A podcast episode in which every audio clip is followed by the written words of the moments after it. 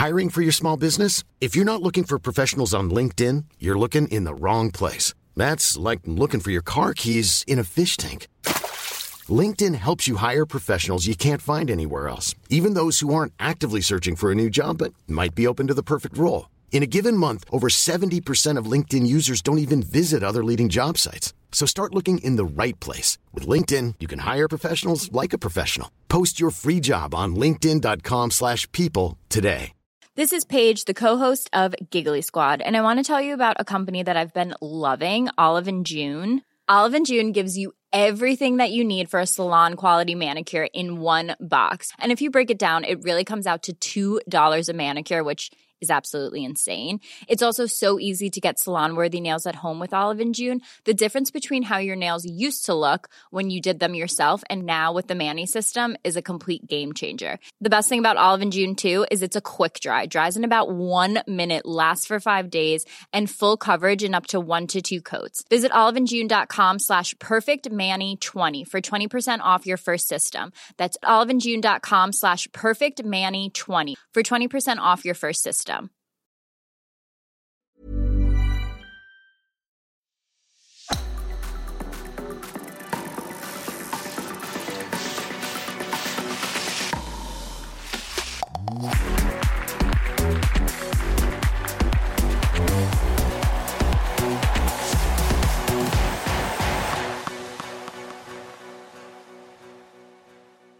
og velkommen til eh, Indre bane. For en episode vi har i dag, Dorthea. For vi kan by på eh, turnstjernen Sofus Heggemsnes. Vi kan by på den eh, nylig pensjonerte frikjøringsstjerna Johanne Killi.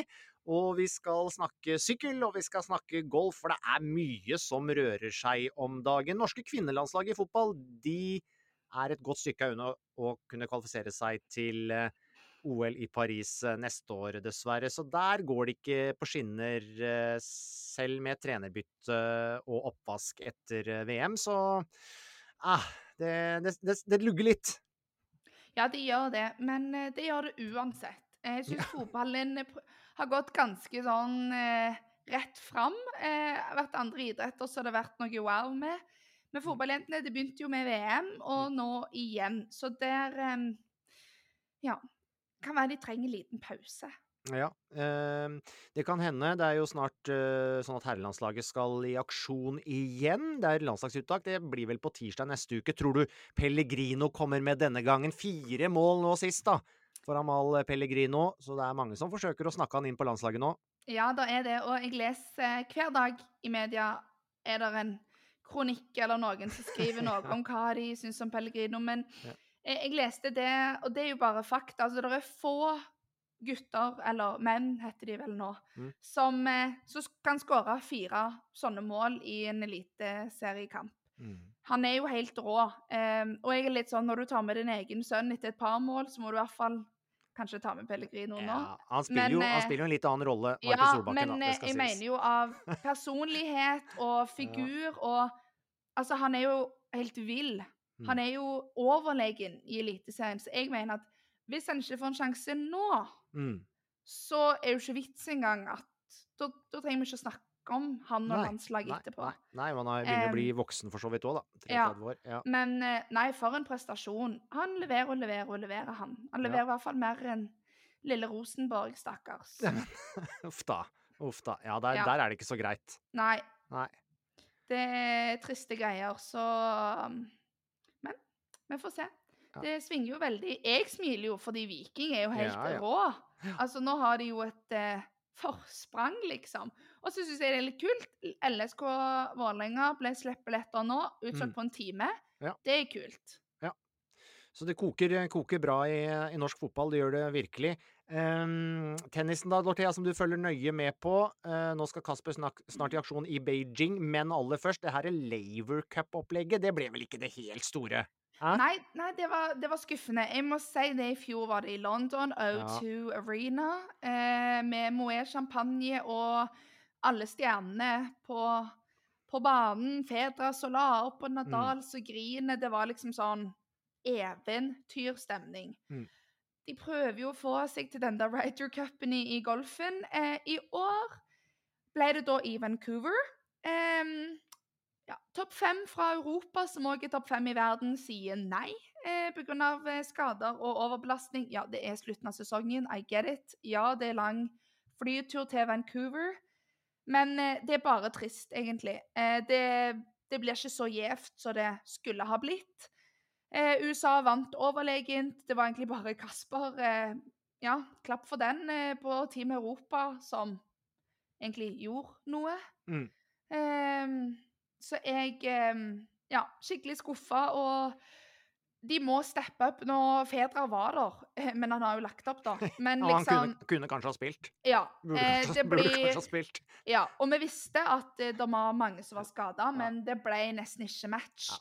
Og det er trist for tennisen. Men som eh, jeg har tenkt på før òg, og som vi vet, Ryder Cup har lang, lang historie. Så dette må gutter velge år etter år etter år for at det skal bli så kult og gjevt. For det er jo et kult arrangement, og jeg digger jo liksom at de, at de gjør det. Mm. Eh, og at de vil matche litt Ryder Cup og, og folk, eh, få folk engasjert. Men da må toppspillerne velge det. Så får vi se når det blir Europa neste år, om de ja, velger ja. det da. Kanskje det er mer populært da. Men du, Kasper Ruud mot uh, Struff i Beijing. Ja, ja.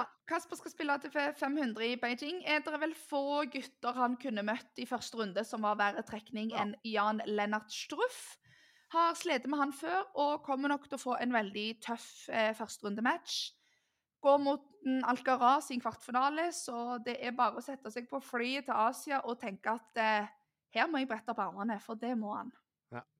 Eh, veldig bra. Eh, vi skal som sagt eh, innom eh, idretter vi ikke så ofte snakker om. Turn, eh, freeski. Eh, vi skal også innom sykkel, men vi starter i dag med golf.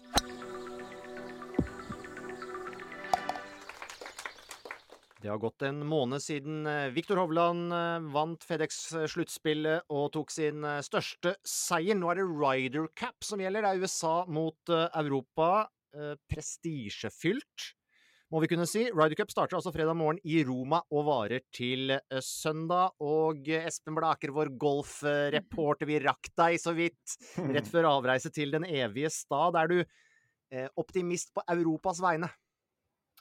Ja, det, det, er jeg, og det er jeg ikke alene om. Det er jo klart at det kan jo bare gå én vei, forhåpentligvis, fra 2021, forrige Ryder Cup, hvor Europa rett og slett ble smadra av USA. og Alt tyder jo på at det skal bli eh, en mye jevnere kamp denne gangen. Altså, De fleste europeiske spillerne, eh, inkludert eh, vår egen Viktor Hovland, har jo eh, ikke bare tatt mye steg fra forrige Ryder Cup, men de har òg eh, vært i veldig god form i månedene inn mot, mot uh, turneringen her. Og det er jo klart at USA på papiret er jo et sterkere lag, men mange vil si at Europa har momentumet nå. Eh, de har faktisk ikke tapt hjemmebane på nesten 30 år.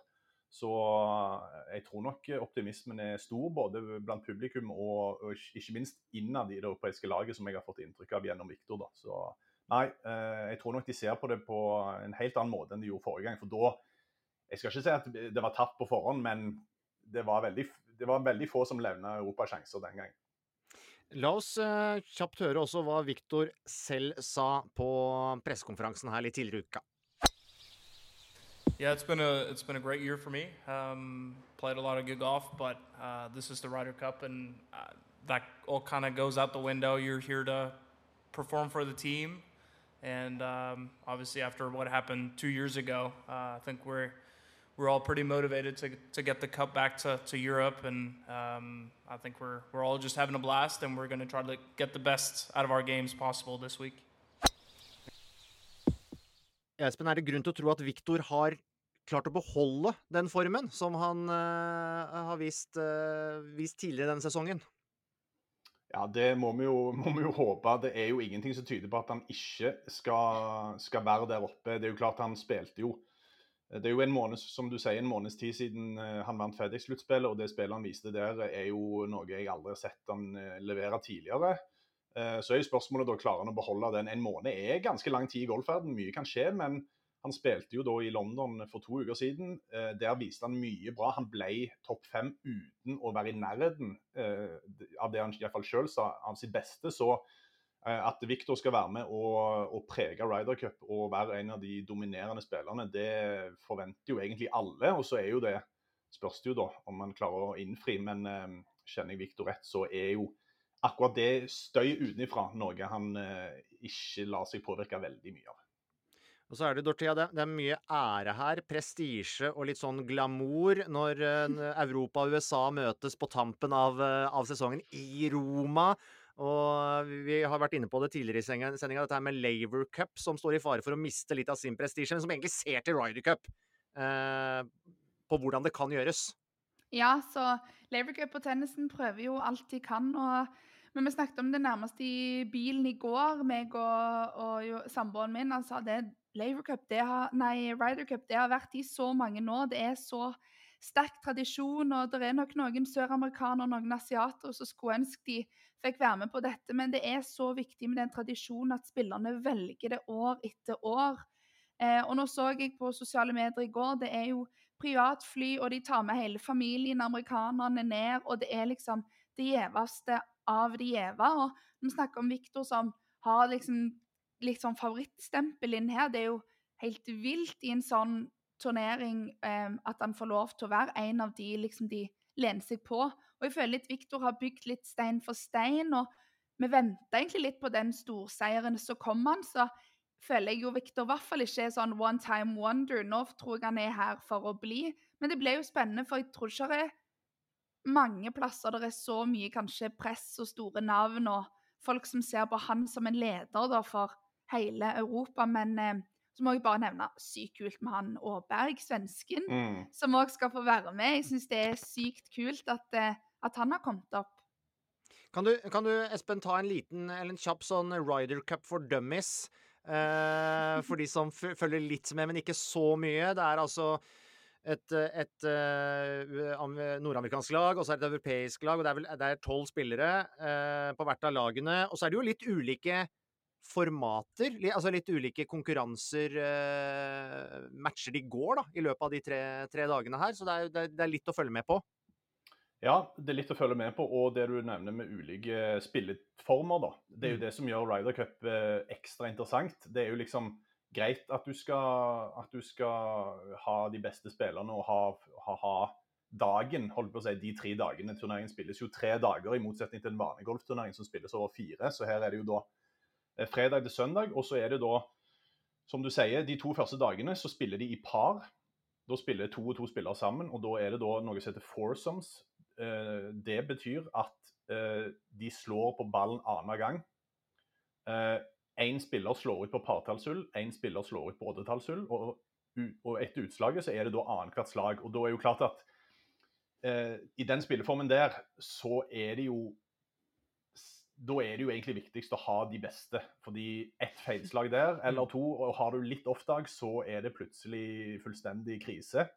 Det så vi jo eh, på et par av de europeiske spillerne i eh, forrige gang, i USA. at eh, de hadde ikke helt dagen, og da var det egentlig kjørt før det var i gang. Og så har du da noe som heter mm, bestball. Det er, Da spiller alle fire spillerne på sine egne baller, og så er det da hvis Viktor Hovland gjør birdie på hull 1 og Ludvig Aaberg som du nevnte, Dorothea, gjør par, så er det da birdien som gjelder. Mm. Eh, og da er det jo klart at eh, sånn historisk sett så er det litt, eh, litt safere å kjøre ut de på papiret da litt mer usikre kortene i eh, bestball, i og med at da har du faktisk råd til å gå på en liten smell, hvis, så lenge da spillerpartneren din faktisk eh, leverer. Så det, Sånn foregår det de to første dagene. Det, det er da foursomes fredag morgen Eh, bestball eh, fredag ettermiddag. Da er det da åtte spillere da, fra hvert lag som skal i aksjon. Eh, fire, altså, fire par på to og to. Samme på lørdag, men da mener jeg faktisk at de begynner med bestball, og så er det foursomes, så motsatt rekkefølge der. Og så er det da søndag. Da skal alle tolv i aksjon. Da er det singleskamper. Da er det mann mot mann. Så det, da skal jo alt avgjøres. Og så er det da totalt 28 poeng å spille om. 16 eh, i de to første dagene, 12 på siste dag.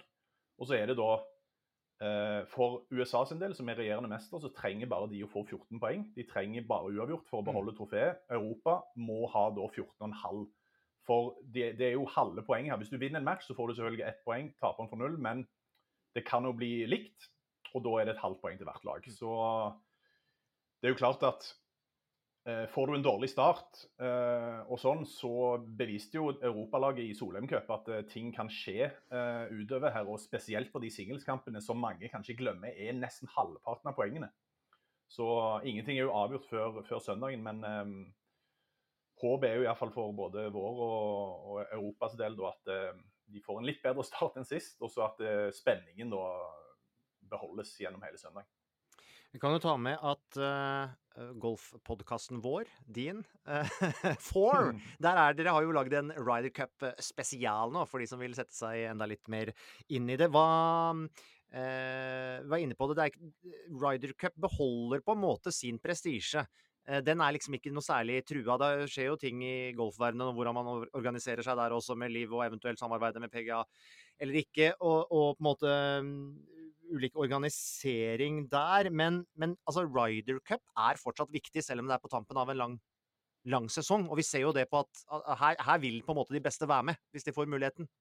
Ja, Ryder Cup er Det er liksom klimaks. Jeg vil si at uh, du har Masters og kanskje The Open som mm. de to største majors, og så har du Ryder Cup som er om ikke høyere, så iallfall likestilt med de to, vil jeg si. Iallfall med tanke på betydning for spillerne. Det er jo tradisjon og, og, mange år med, med intens uh, kamp som har gjort det så prestisjefullt. Og det er jo klart at du har jo f.eks. Presidents Cup, uh, som er den andre lagturneringen i golf mellom, um, mellom, USA og på en måte Oceania og Asia. Sånn, og det er jo klart at det er prestisjefull den òg, men Ryder Cup er noe helt annet. Det er liksom bare, det, stå, det sitter i veggene her, og du har så mye oppbygning mot uh, turneringen. og så kan vi jo vi må vel si at uh, det rivaleriet var kanskje litt sterkere uh, back in the day. Det var litt mer uh, elsk-hat-forhold mellom lagene. Men uh, uansett, det, du merker det bare på pressekonferansene før turneringen òg, at her er det liksom alt vennskap legges til side. Her er det på å mann mot mann og USA mot Europa. Så nei, de har klart å bygge opp det til å bli egentlig det store høydepunktet Uh, I og med at det iallfall er annethvert år, da. Så det skal de ha, ha kred for. Kommer du til å få med deg noe golf i helga, Dorthea? Ja, jeg snakket om det i går òg. Vi setter oss ned og ser på Ryder Cup, og så er det deilig at det er i Europa. Nå var jo Laver Cup i Vancouver, og det er jo litt vanskeligere å følge med på. Men sykt kult at det er i Roma nå, at de veksler litt mellom det òg. Men så lurer jeg på hvem For det er jo sånn som du sier, 16 spillere på både Europa og på USA. Tolv spillere. Mm. Og eh, Victor er jo et stort navn, men hvem er liksom de som vi i sofaen da bør liksom se på kanskje litt ekstra, og de som eh, ja, egentlig må prestere da for at deres lag skal, skal vinne? Hvem kan de lene seg på liksom denne helga? Nei, altså for Europa, Europa har eh, mye mer klarere ledertyper enn USA. USA har liksom, de har mer bredde i laget sitt, men de har liksom de har et par som er liksom som du kan se til historisk, men samtidig så er det faktisk en del av de som ikke har vært i så veldig god form i det siste. altså Det er litt mer usikkert der, men Europa Jeg, synes, de... jeg må bare si, jeg syns de amerikanerne er litt sånn nonsjalante. altså sånn de er Justin Thomas og Jordan Speeth, og de er steingode, og så plutselig kan de logge litt av. Sånn så du Ja, ja de kan det. Ja. Nei. Justin Thomas, som du sier, han Justin Thomas er vel sånn posterboyen for USA. Og er ja. den, som, den, som, drar opp publikum, og den som er mest sånn. Men samtidig så kan du si at han eh, han kom seg jo ikke til FedEx-sluttspillet engang i år. Han har jo vært helt ute av det i mange måneder. og Heldigvis da for USA, og liksom litt typisk for, for oss europeere, så viste jo han faktisk mye bra nå i siste turnering før Ryder Cup. Men det er ganske mange spørsmålstegn ved det amerikanske laget. Eh, du har jo Scotty Sheffel òg, som har vært verdens beste golfspiller nå i, i halvannet, to år nesten. og han viste jo òg i sluttspillet, som kanskje mange som så på husker, at han har jo glemt hvordan du putter. Så eh, litt, litt, mer spørsmålstegn med det amerikanske laget. Men hvis du ser til Europa, da, så har du jo eh, Victor, du har Rory McIlroy og du har John Rahm. Det er de tre som er forventa å dra det store deler av lasset for Europa. Og så har du da eh, som, som, dere var inne på, Ludvig Aaberg, som jo jeg tror kan bli den store jokeren denne uka her. Han, jeg mener han er så god at han bør spille alt. Da spiller du da maksimum fem kamper. Selvfølgelig hvis, du, hvis det viser seg at han ikke tåler presset og faller helt gjennom, så må du eventuelt vurdere å benke ham. da. For det går jo an fra Eh, du velger jo egentlig hvilke spillere som skal spille egentlig rett før de går ut. Eh, så du kan bytte underveis. Men eh, du har liksom Rory, Ram og Victor som de tre ganske klare ledertypene i Europa. Og så har du litt flere usikre kort. Du har f.eks. en danske, Nikolai Høygård, som mange mener ikke burde bli tatt ut det var jo litt spesielt med tanke på utvelgelsesprosessen i år. Den var jo mye tidligere enn den var i fjor. Eh, mange mener jo at det var en tabbe, og mm, det mener jo bl.a. våre to eksperter i podkasten vår, hvis dere hører den. Eh, så det, er, det, har vært litt sånn Ikke murring, men eh, det har vært stilt litt spørsmålstegn ved, ved dette her. Og det er jo klart at leverer ikke de usikre kortene, som jo må i aksjon uansett på et eller annet tidspunkt, så uh, kan det jo begynne å, å at hylekoret kan koste på seg. Fordi i 2021 så fikk eh, Europa mye kritikk for taktikken de la, og spillerne de satt sammen. Så den er jo veldig, veldig spennende å se. Men eh, jeg vil jo si at Europa akkurat nå har en mye tydeligere ledergruppe med tanke på òg spillere som faktisk har levert eh, det siste året, da, hvis du skal ta det. Så Akkurat der tror jeg Europa har en fordel. Og så er det jo da om de litt mer usikre kortene til Europa leverer, for der er USA på papiret sterkere. Veldig bra, Espen. Eh, Ryder Cup sendes eh, på Viaplay. Eh, vel, så vi får ta med det òg. Være litt rause. Litt rause. vi nevner det. Så dit må du for å få med deg Ryder Cup, men vi anbefaler absolutt det. Og hold deg oppdatert på eurosport.no, da. Eh, det er også viktig. Espen, takk for at du var med, var med og god tur til jo, eh, Roma. Kos deg masse. takk.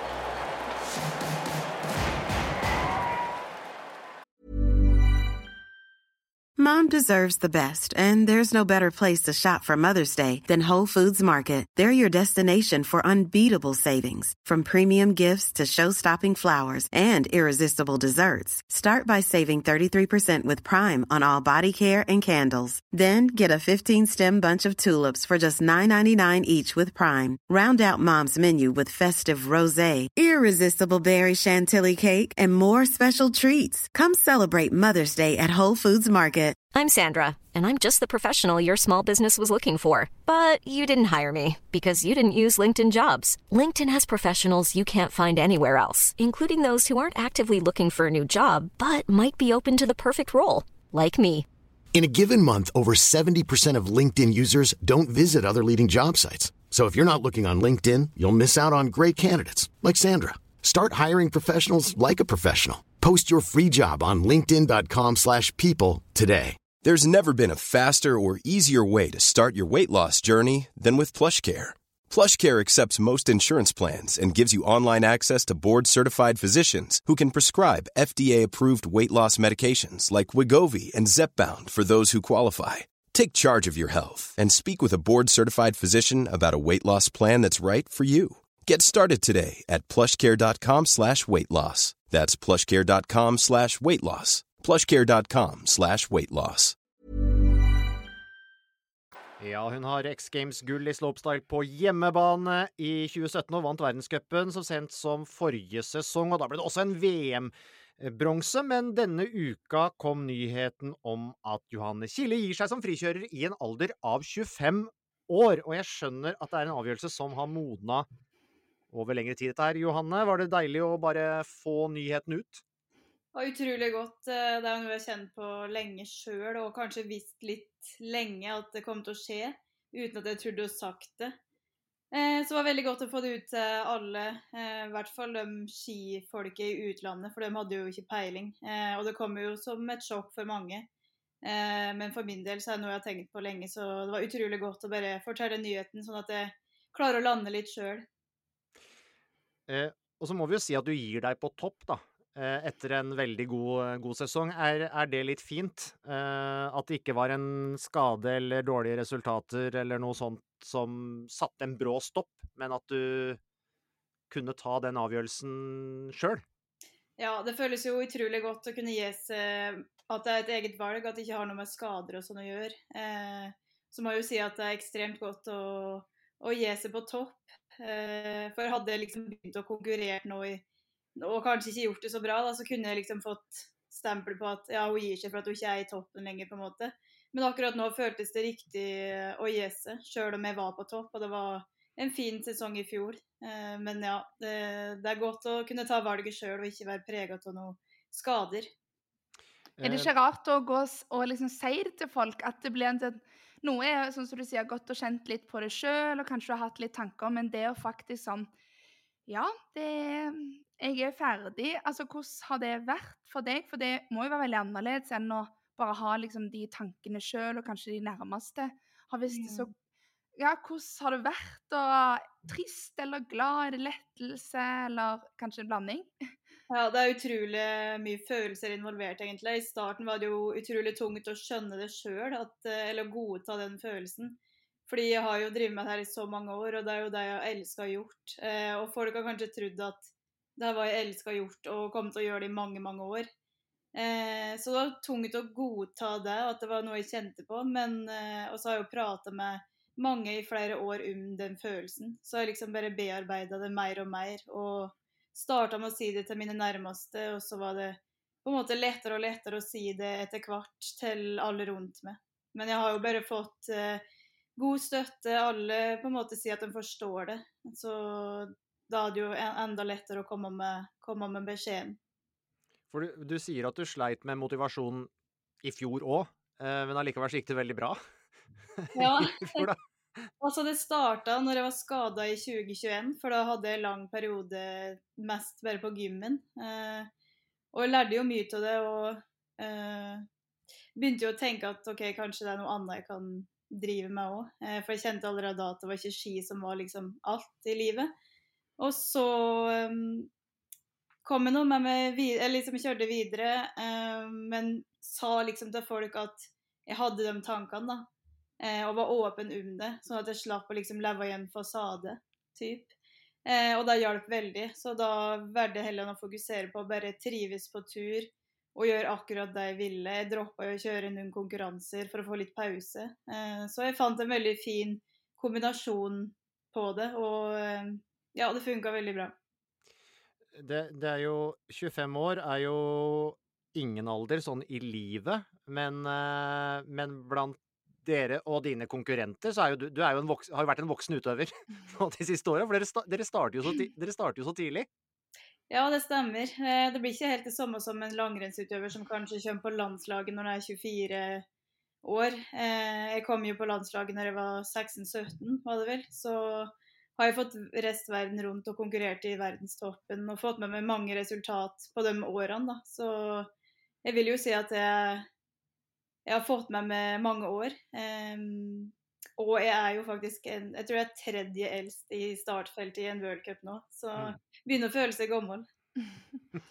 Men jeg føler litt sånn stigma rundt det at sånn Å, du er så privilegert, og du er toppidrettsutøver, og alt er liksom lagt til deg. Du må holde på med dette så lenge du kan, og det er liksom Det er bare de som holder på helt til de er liksom 30-40 så får creds, så det er nesten litt sånn Legger du opp for Eller tar pause for en graviditet, så er det litt sånn Å ja, OK, hun skal tenke på familie heller. Men har du kjent kanskje litt på det, liksom OK, er det feil at jeg føler sånn? Går det greit at jeg føler sånn? Kanskje jeg burde liksom satt mer pris på dette, eller har du, har du følt kanskje på en litt Jeg som sjøl var skikkelig umotivert og fikk kongepokal og egentlig var litt sånn Men nå er jeg fornøyd. Men alle rundt meg bare Men nå må du fortsette, fortsette. Har du kjent litt på skammen med at du kanskje har følt at du har vært litt ferdig før du har, folk har forventa det rundt deg? Ja, absolutt. Eh, Det har jeg jo kjent på i mange år. Eh, Og prøvd å liksom tenke sånn Herregud, du er så heldig som får lov til å drive med Ja. det, du må bare fortsette. Hvorfor har jeg den følelsen her? Eh, alle vennene mine klager og si sånn Du er så heldig for at du kan reise verden rundt, mens de må sitte og studere i Oslo eller jobbe åtte til fire, da. Um, men det var vanskelig å liksom godta den følelsen at jeg har på en måte lyst til å gjøre noe annet, sjøl om jeg er utrolig heldig som kan gjøre det jeg gjør. Uh, men det er jo veldig mye risiko og en del ofring for, for, å være i verdenstoppen. Så det er jo ikke bare det er jo ikke bare å nyte heller, det er liksom mye arbeid som skal til. Så jeg føler liksom at jeg er på et punkt der det føles riktig å, å, eh, å settle down, på en måte, i Oslo.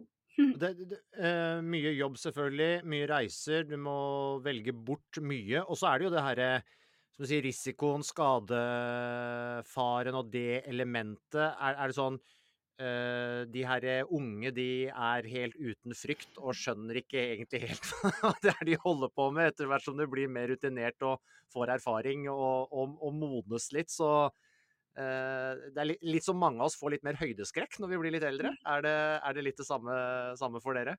Ja, absolutt. Eh, jeg merker jo stor forskjell på når jeg var 15 og nå som 25-åring. At jeg tenker mer konsekvenser, og så vet du at det kommer et langt liv etter karrieren òg, så det vil jo helst eh, fungere da òg.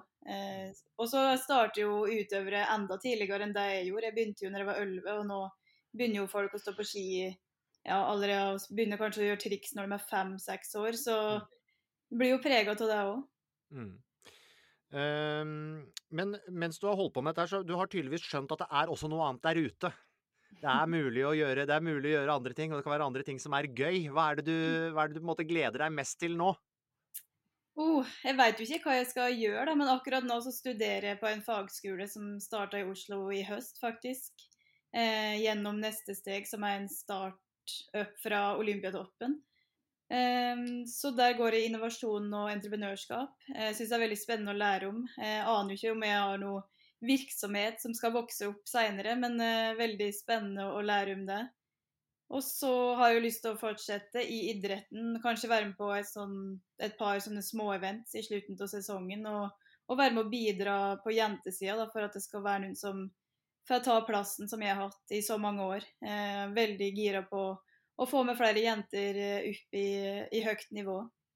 Det, dette har vi jo snakka om før også, Dorthea. Det det er jo mange kamper som gjenstår å tas der. Eh, innenfor mange idretter, da, eh, og knytta til kvinnelige idrettsutøvere. Eh, eh pengepremiefordeling, få tak i flere kvinnelige ledere, trenere Eh, eh, fokus på jenters helse opp mot idrett. Altså det, er, det, er, veldig mange områder der eh, hvor det gjenstår mye jobb å gjøre. Du har lyst til å være involvert rundt dette her og måte bidra med din kompetanse og erfaring eh, i, si, i, det miljøet og de, i de kampene framover, sånn som jeg tolker deg? Mm, absolutt. Eh, det har jo alltid vært en guttedominert idrett, men for min del så føler jeg at det er like, for, like mye for jenter som for gutter. Men jeg vokste ut med å bare kjøre med gutter. Det har jo vært en fordel for min del, vil jeg si. For jeg, jeg så liksom ut til dem og prøvde å være bedre enn dem. Eh, så det er egentlig mitt tips til alle jenter som driver med idrett. og liksom ikke at det må være gutter, men at du alltid ser ut til noen som er bedre, og pusher deg sjøl opp mot dem. da. Ja, så tror jeg sånn for Som jeg har snakket om litt tidligere òg, med eh, idretter som det ikke er liksom 10-15 i verdenstoppen f.eks. av damene, da, at det er én Altså, det er ett forbilde, ett idol, én person å se opp til som er nok. Og jeg syns det er fantastisk at du ennå vil være i idretten. Sjøl måtte jeg få det litt på avstand sånn, og jobbe liksom på gulvet, men allikevel så du, du får liksom fordøye det på en annen måte med å ha en fot innenfor, og at det ikke blir så brått. Og det er en veldig sånn fin, som vi ser med, med idrettsutøvere, at de tar litt sånn steg ned. At Da kommer jo kanskje en dag der du går inn i et helt vanlig sivil, vanlig jobb, liksom. Men at du bruker nå ja, tid når du har mulighet og er ennå interessert til å jobbe med det. Det er jo en gave for forbundet, liksom, at du, at du vil det. Eh, var det noe du kom med, eller har det vært et ønske så du liksom har visst kanskje at de har vilt, eller er det noe du visste når du var aktiv at det ville du gjøre? Det er litt blanding. Det er jo noen tanker jeg har fått de siste årene når jeg har vært umotivert. At uh, jeg kan jo være med å bidra sjøl, eh, men jeg har jo ikke hatt mulighet til å gjort det når jeg har reist så mye. Så jeg føler liksom det er helt riktig timing å kunne gjøre det nå som jeg blir mer i, i Oslo. Og kunne gi tilbake til idretten. Eh, for det er jo noe jeg ønska lenge. Og så er det jo godt for min del at det ikke blir så brå overgang, som du sa. At eh, Jeg føler jo fortsatt at jeg har veldig mye eh, å være i idretten for. Eh, og at jeg ikke er klar for et helt annet liv. Men eh, det er vanskelig å si hvor mange år jeg kommer til å, å drive med det her. Men det kommer nok bare til å jeg tar spontant og se hvor, hvor lenge har interesse for å, å bidra. Vi, vi, er jo en nasjon av uh, mange uh, halvgamle, seige, diagonallangrennsgående eh, gubber. I Norge føler du at statusen for, dere, altså statusen for frikjøring, freeski, har det endra seg i løpet av de åra du har holdt på og vært på landslaget, f.eks.? Det har nok blitt litt bedre, det må jeg si. Men fortsatt veldig skuffende å se hvor lite seertall oss mm. får, og hvor lite mediedekning. Og at det er veldig få av konkurransene våre som blir sendt på riktig kanal. Da. Mm. For vår del så hadde det vært helt perfekt å ha hver konkurranse på NRK, for det er liksom en kanal som alle ser på. Men eh, jeg føler liksom den utviklinga både sporten og liksom samfunnet har, så kanskje om fem-ti år så er det en av de mest populære idrettene å se på. Ja, for vi ser jo det at f.eks. langrenn også har jo sine utfordringer med uh, litt kanskje sviktende seertall og interesser og sånn, og så kommer det selvfølgelig noen mesterskap hvor det er kjempestore sånt noe. Men hva, hva, er følelsen din av håper å si, rekruttering til sporten, da? Uh, som du sier nå, i dag så starter de å gjøre triks kanskje allerede når de er fem år gamle? Mm. Eh, I Norge så har jeg hørt at eh, freeski er faktisk eh, den mest voksne idretten. Mm. Eh, så det er veldig under vekst, og det er artig å høre. Eh, og det kan jeg jo på en måte bidra enda mer med sjøl. Eh, har jo veldig lyst til at det skal bli en idrett som alle på gata vet om, og vet om dem som driver med det. For det er utrolig kul idrett, veldig leikende idrett, og veldig mye fine folk som driver med det. Det er et unikt miljø som jeg tror ingen andre idretter kan kjenne seg, kjenne seg artig. Så ja, fantastisk idrett. Men du, et, et, annet unikt miljø. Eh, du er jo med i 71 grader nord om dagen. Eh, hvordan, hvordan, var den opplevelsen? Nei, det var en eh, helt fantastisk opplevelse. Et eventyr, som alle sier. Kanskje ikke verdens, Norges farligste eventyr, som Kevin mener, men det var i hvert fall utrolig morsomt å kunne se Norge og oppleve så mye forskjellig og bli kjent med en så miksa gjeng. Og så er jo helt forskjellige, men passer fortsatt veldig godt i lag. Så eh, ja, jeg liker veldig godt å se på episodene og gleder meg bare til hver torsdag og søndag. Så det var helt fantastisk. Dorthea, vi har jo en teori om at uh, altså, Johanne er litt uh, sånn i bakgrunnen nå i starten. Det har, det har, vi en klar teori om hvorfor det er sånn. Ja, det er jo fordi at de som ryker først, må jo få mest TV-tid fra begynnelsen. De sparer jo liksom de som Ja, men hun skal være der hele sesongen.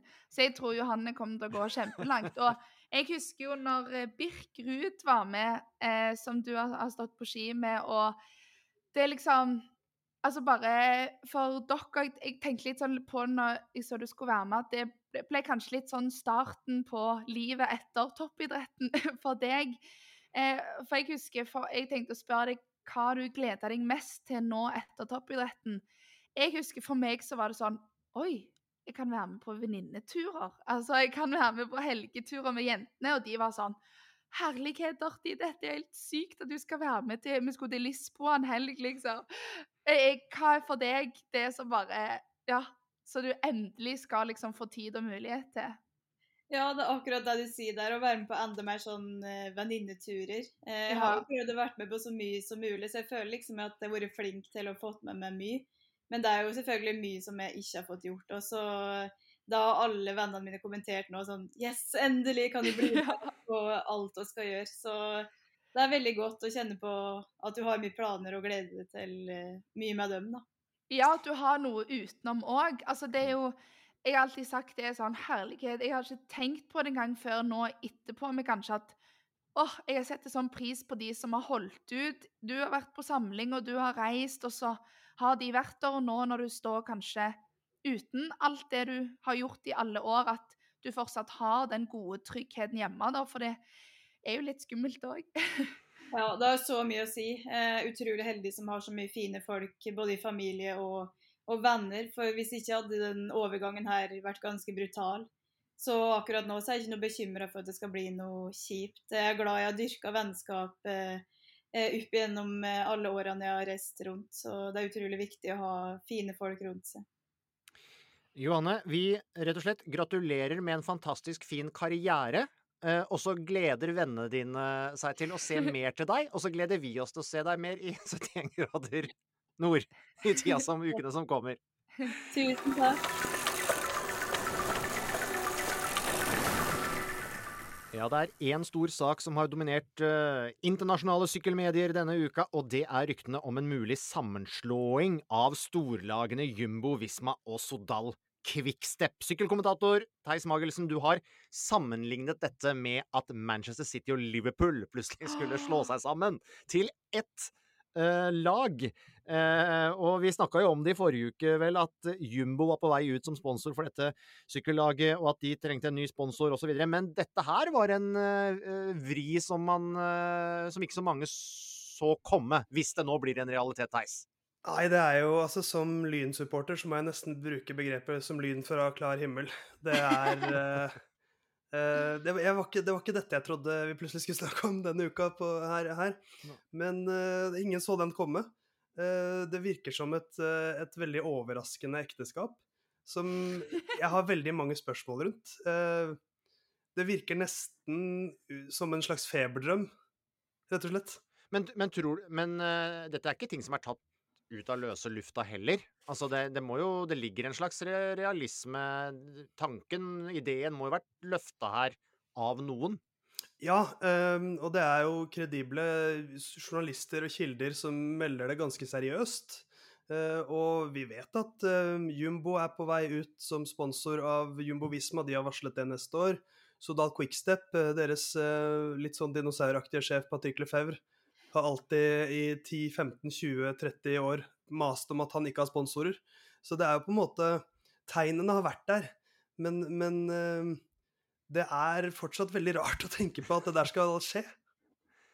Hva er det som uh, gjør at det vil være veldig rart? Altså, dette er selvfølgelig to, uh, to av de aller beste lagene fra før, med de, noen av de aller største stjernene i hver sin stall. Um, hva vil gjøre sammenslåing av akkurat disse to lagene så spektakulært, da, sånn som du ser det? Eh, du har jo altså, en logistikk her som skal gå opp. Eh, du har et tak på antall ryttere du kan ha på et eh, World Tour-lag, som er på ca. 30 ryttere. Og det er jo ikke det, det, er et regnestykke som ikke går opp, hvis de slås, opp, slås sammen til neste år. Da blir det for mange ryttere, så da må de enten ha et eller annet utviklingslag hvor ganske store stjerner skal ned på utviklingslaget, og så blir det Nei, det, det, det funker bare ikke.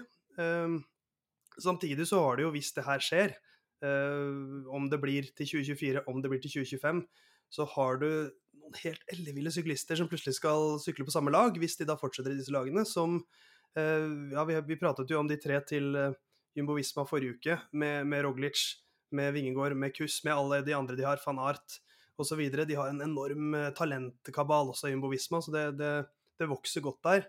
Eh, Isodal Quickstep, du har Evnepol, du har Ala Filip, du har Kasper Askrem, Tim Merli. Det, det, er så mange navn her at det blir jo, blir jo Galacticos-stemning ganger 1000. Eh, noe av det villeste vi har sett i sykkelsporten noensinne, hvis det her skjer.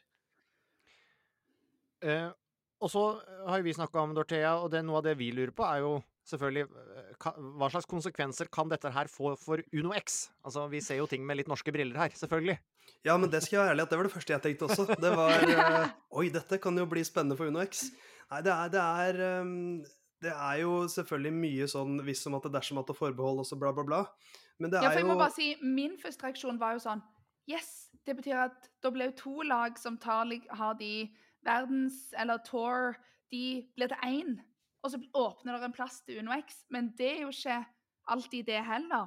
Og så tenkte jeg med sporten, de kan jo ikke bare ha stjerner. Vi har jo snakket om de hjelperytterne, og Vingegård som vinner der, og det blir liksom Ja, de kan jo ikke ha så mye stjerner, så betyr det at de stjernene skal lage et nytt lag da, eller skal de Altså, jeg forstår ikke.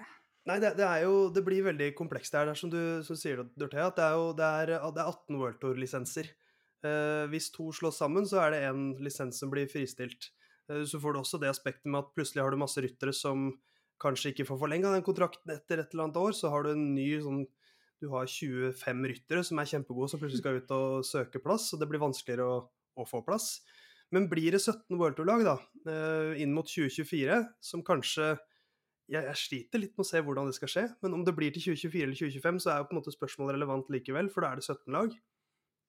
Um, og nå er det sånn at det, det tredje beste laget på pro-nivå, som er nivået Uno X sykler på, det får invitasjon til alle endagsrittene på World Tour-nivå. Um, hvis det da forsvinner ett World Tour-lag, så er det naturlig å tro at eh, tredjeplassen på pro-nivå vil også få invitasjon til alle etapperittene. Uh, for de to beste på pro-nivå får invitasjon til alle World Tour-rittene. Så hvis den da utvides til at de tre beste får den invitasjonen, så er Uno X på tredjeplassen i, i snakkende stund. Så får vi se om det ender sånn i 2023. Så det er et mulig scenario. Eh, det som også kan skje, er at et av pro-lagene kjøper den lisensen. Det har skjedd før. Mest ja, da det, og da kan det være et dårligere rangert eh, pro-lag enn det Uno X f.eks. er nå. Så kan det være noen som faktisk er bak der, og sånn, sånn sett hopper i køen, da.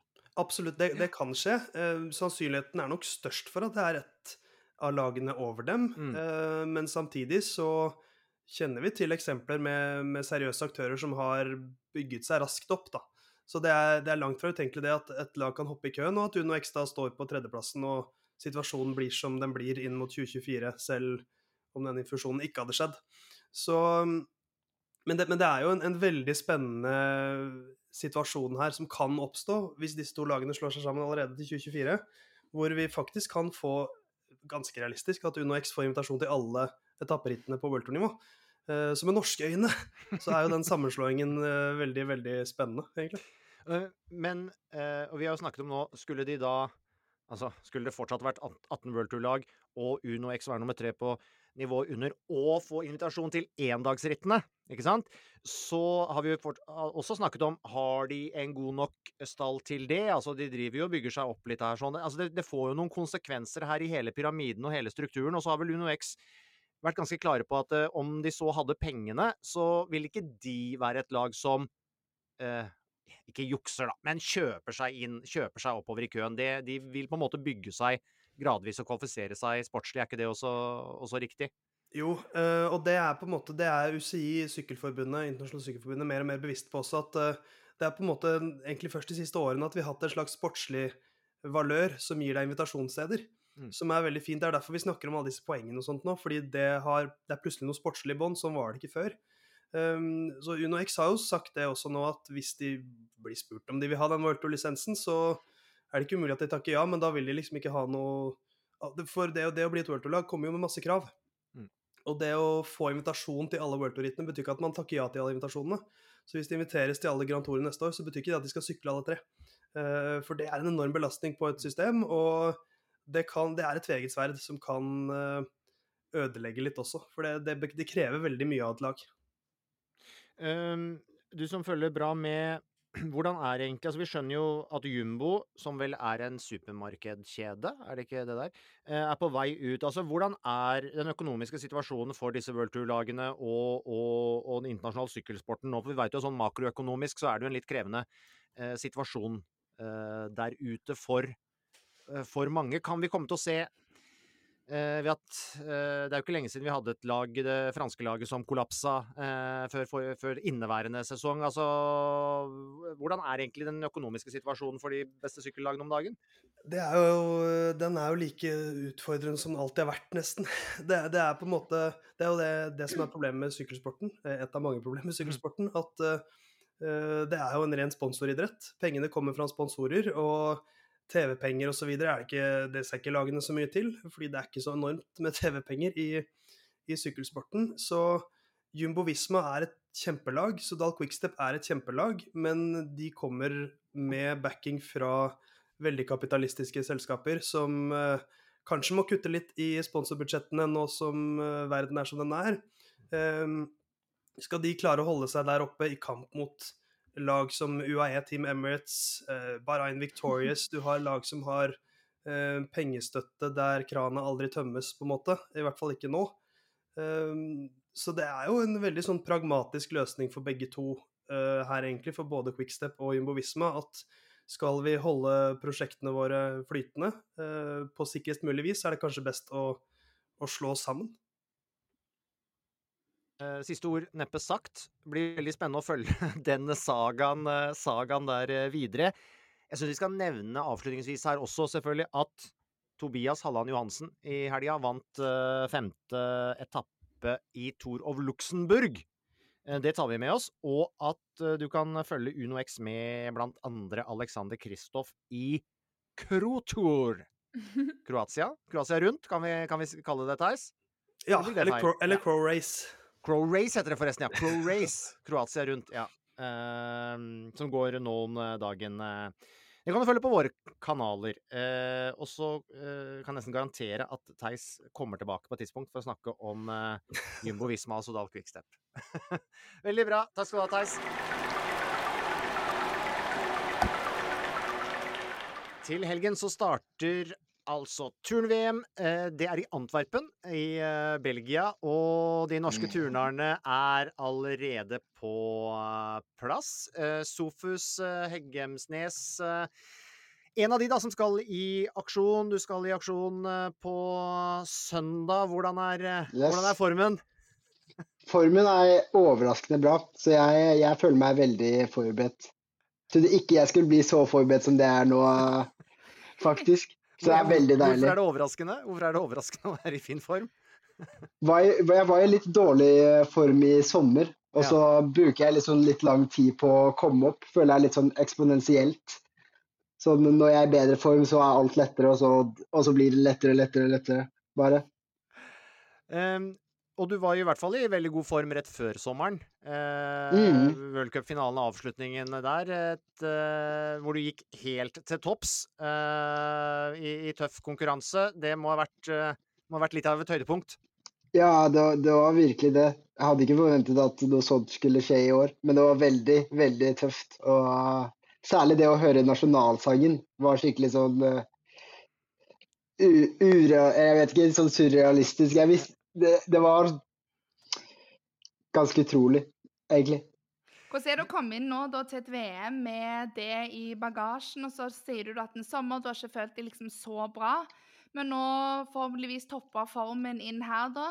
Må jo komme inn med litt ekstra selvtillit, i hvert fall etter den våren som du hadde. Mm, mm, helt klart. Så jeg føler at uh, jeg er mer klar enn jeg har vært uh, noen gang, på en måte. Jeg føler meg eh, ja, klar og fit for fight, som man skal si det. Du, du, du begynner jo å få litt sånn mesterskapserfaring eh, etter hvert, da. Eller ganske mye mesterskapserfaring etter hvert. Ja. når, når, når du nå kommer til et nytt VM, eh, hva, håp, hva håper du å oppnå, og hva er liksom realistisk? Eh, akkurat nå så er det eneste, eneste målet er eh, OL-kvalik. Ja. Ikke noe annet. Og så Så jeg har liksom eh, ikke Har ikke så vanskelige øvelser og sånt for apparatfinale eller noe sånt. Håper kanskje på en allround-finale, men, eh, men eh, førstepri OL-kvalik. Og så er vi, vi er enige om at det er, det er litt sånn kompliserte kvalifiseringsprosedyrer her. VM er én måte å kvalle inn på, og så kommer det noen andre muligheter til våren igjen, eventuelt. Eh, Ja, noen worldcuper. Så er det Ja. noe sånn poengsystem. Men da, da må man være topp to i det apparatet i løpet av fire worldcuper eller noe sånt. Um, så det er viktig selvfølgelig, og det er et mål. Vi husker det, mange ble jo kjent med deg da til, til OL, i, uh, OL i Tokyo. Og vi, mm. vi husker uh, Jeg syns jeg minnes at uh, hele familien var i studio her i Nydalen og satt og fulgte med når du skulle i aksjon, og det var i det hele Eh. tatt, ikke sant? Det var, var mye gøy som eh, skjedde. Hvordan har du utvikla deg som turner, vil du si, siden, siden forrige OL?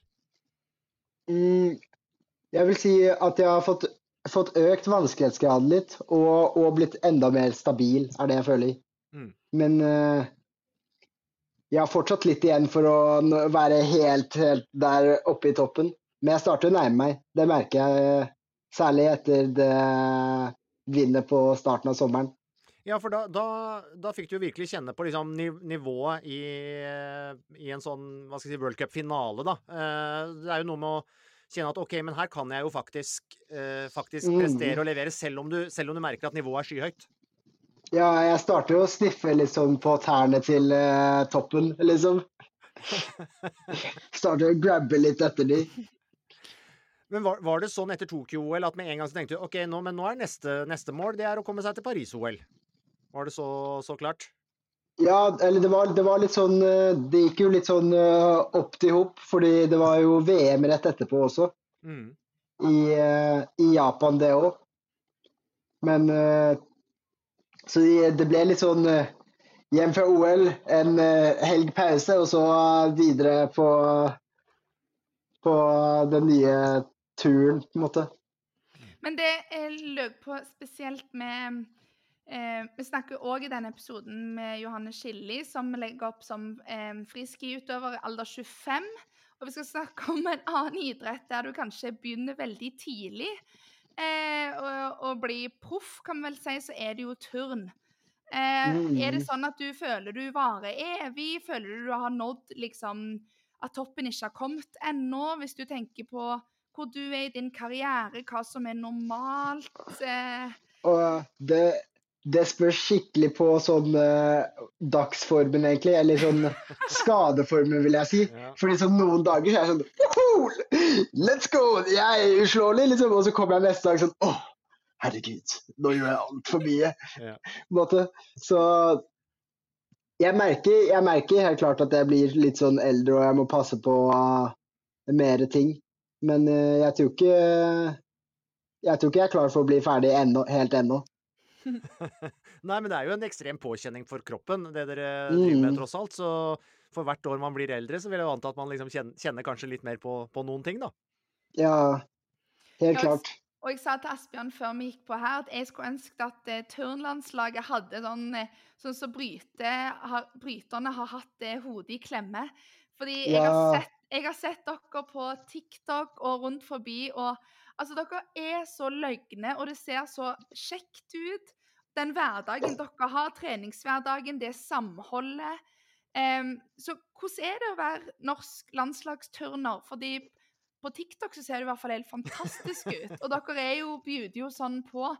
Men det jo Det ser jo helt vilt ut, det samholdet som dere har til å være en såpass ja, individuell eh, og litt sånn idrett så du kanskje har tenkt å, skal du stå i det helt alene, så har dere jo en vanvittig lagfølelse. Mm, fordi jeg føler, jeg føler at det at, det at uh, idretten er individuell, gjør at lagfølelsen blir enda bedre. Det er sånn uh, Du kan ikke du kan ikke slå ut eh, motstanderen din på samme måte som i bryting eller sånne ting. Da er det litt mer krig. Mens i turn så er det bare egen prestasjon som gjelder. Så hvis jeg, hvis jeg gjør det bra, sykt bra, så har det ikke noe å si om eh, Da kan ikke noen andre slå meg ut, føler jeg, da. Med mindre de gjør det veldig bra selv, da. Mm. Eh, og så er det jo ikke eh, Altså turn en enorm idrett i verdenssammenheng. Eh, litt mindre selvfølgelig i Norge, og litt mindre oppmerksomhet og den biten der. Så det er vel noe med at dere som, dere som holder på med det, med det, må virkelig stå sammen nå? Mm. Men vi starter å bli litt sånn større på TikTok og alt sånt. Ja, vi sett. kjente litt mer på gata og sånne Ja. ting. Oi, er ikke du han tiktokeren? Jeg syns det bare er bra. Jeg. De turn, Turnforbundet er heldige som har dere som ja, tar litt plass. da, og I de mindre idrettene i hermegårdstegn så mm. må du jo liksom gjøre det, da. Ehm, og jeg tenker Det gir jo en vanvittig motivasjon for dere, men òg for de unge som kommer opp og ser deg som har vært i OL, nå skal ikke sant, kjempe om en ny OL-plass, og at du Mhm. ikke, ikke står alene i det, selv om man er liksom ja, Ja. ferdig på skole og kanskje studieliv eller jobbliv frister, så er det sånn Du kan ha en dritkul hverdag med toppidretten og ikke være alene, selv om det er duell idrett i Oslo. Det er jo helt fantastisk. Mm, det miljøet, i hvert fall det miljøet vi har fått på Oslo og generelt på turnlandslaget, er helt fantastisk. Altså. Alle gutta er så hyggelige og så koselige, og alle kødder med hverandre, og vi har det Jeg digger det, altså. Så gøy. Så kommer det jo noen, altså, kommer noen yngre turnere også bak deg, som sikkert ser opp til deg. Og da. Sebastian Sponevik han hadde vel også en veldig bra finale, eller World Cup-finale her, i- her rett, før, eh, Mm, rett før mm. sommeren. Eh, har du en litt sånn eh, Har du en sånn papparolle, eller hvordan er det? Uh, jeg, og, jeg og han er egentlig tullingene på laget, egentlig. Så vi, vi har egentlig ikke, jeg har egentlig ikke noen papparolle på laget i det hele tatt, selv om jeg er eldst. Så, så har jeg fortsatt den klovnerollen. Ja.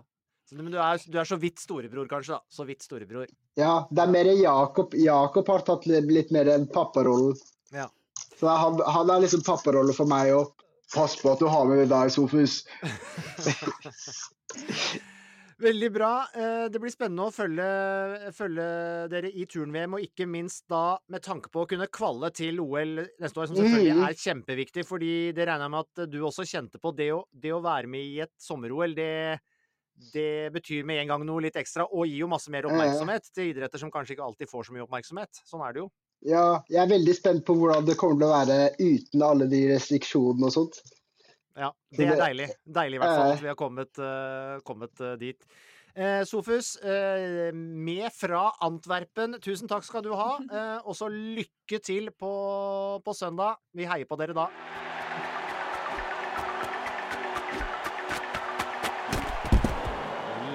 Episoden den går mot uh, slutten. Uh, for noen typer, da. Uh, både Sofus og, og Johanne. Altså, Sofus er jo fortsatt aktiv, men han, han ser jeg for meg kan få en, en eller annen TV-jobb eller et eller annet når han er ferdig, for han er jo så, så levende. Og Johanne har jo fått smaken på reality. Så, så kan det hende vi må se henne i mer enn en 71 grader nord også. Men ja, nydelige typer. Ja, det var fantastisk kjekke gjester, og kult å touche innom turn. Som jeg sa tidligere i episoden òg, jeg syns de turngutta og det turnlandslaget gjør en fantastisk jobb. De fronter jo seg sjøl helt fantastisk på sosiale medier. Sofus er jo OL-utøver og skal nå kjempe i et VM. Altså, for en positiv fyr. Johanne, helt sjelden at hun skal fortsette i den idretten som nå er Norges mest voksne idrett. Heldige de som har hun. Og så er hun jo en eh, fin frontfigur til at eh, ja, du kan eh, være en av verdens beste og fortsatt ikke ha motivasjon på topp, men da kommer liksom et liv etterpå. Ja. Eh, veldig, veldig bra. Eh, vi får si at det var det vi hadde. Neste uke så skal du blant annet få høre om eh, hvordan det gikk til på veien da Nina Solheim eh, tok OL-sølv i 2008 i taekwondo. Hva gjør du nå, Nina Solheim? Det skal du få vite i neste uke. Så eh, hold på, hold på spenningen. Eh, veldig bra, eh, Dorthea. Da er det en uke til vi ses neste gang. Eh, det får nesten bare gå. Ja, det går Ja. fort det, vet du, Ja, Asbjørn. det Vi snakkes. snakkes. Snakkes.